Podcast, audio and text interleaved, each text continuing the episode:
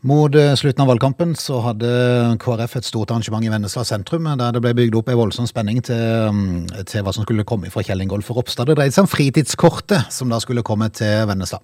Nils Olav Larsen, nå eh, i denne uka så kom jo beskjeden om at eh, den nye regjeringa de ønsker ikke noe fritidskort på landsbasis. Så falt de, falt de grus før det hele tatt fikk starta i Vennesla da, eller? Ja, altså det som, eh, det som har skjedd, det er jo det at det er prøvd ut uh, i Arendal med suksess. Og Det er prøvd ut i en del andre soldater. Vi var jo med i andre fase. Uh, og det er klart at vi, vi, følte jo at dette her begynte å bli en sak som, som, slo veldig godt an. Så det var en stor skuffelse å få den beskjeden. vi må jo tenke oss om hvordan vi skal gjøre dette videre. Eh, og Jeg ser jo ikke bort ifra at, eh, at KrF kommer til å legge et, eh, et, inn en, en, et opplegg på det i budsjettet. Men at det da blir på, på kommunal basis. Mm.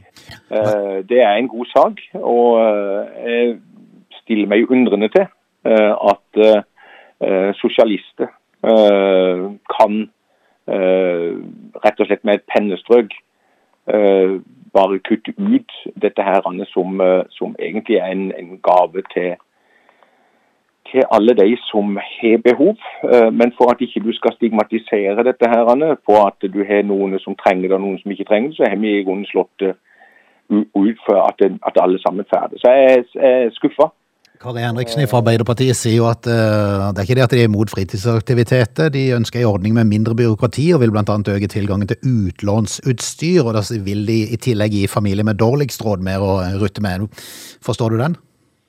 Uh, jeg har forståelse for den, men, uh, men, dette har vi jo diskutert veldig. Og vi har vært i kontakt med forening og lag for å finne en løsning som gjør at ikke du blir sett på som at nei, du får fritidskort, du, og du får ikke fordi at du tjener så bra.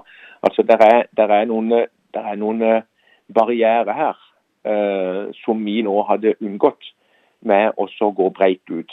Mm. Uh, og Da hadde du sluppet denne her at du er med og du er utenfor. og det, det var jo det som var det store poenget her. At alle skulle, sammen skulle få samme anledning. og at at ikke det skulle være forskjeller. Eh, det var det som var eh, gimmicken bak det. I valgkampen så lå jo KrF og vaga rundt sperregrensa. Var dette et litt sånn valgflesk for å eh, prøve å hanke inn noen stemmer mot slutten av, perioden?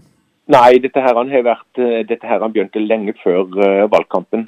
Og det var jo året før at vi hadde forsøksordninger, og vi prata om det flere år før det. Så det, dette hadde ingenting med, med, med valgflesk å gjøre. Dette hadde med rett og slett eh, at eh, vi vet hva det betyr eh, å komme inn i organisert virksomhet.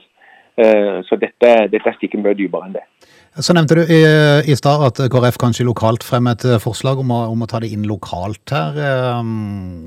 Ser du på det som en, en mulighet? Altså, Vi må jo nå vurdere nøye eh, hva vi kan gjøre eh, for at uh, at de som eh, er dårlige med midler, har mulighet til å være med i sosiale aktiviteter. Eh, og Dette er opp til eh, KrF, og det er opp til jo veldig mange andre òg. Så, så, jeg ser jo at, at, det er en sosial profil òg på, på, Senterpartiet og Arbeiderpartiet, men, men, jeg tror den ideen vi hadde, var bedre. Kan, kan, det være realistisk å få på plass en lokal løsning med, med 2000 til, til hvert barn? Altså Det må vi jo se på. Eh, men det er iallfall noe vi kommer til å vurdere å ta opp eh, i forbindelse med budsjettprosessen.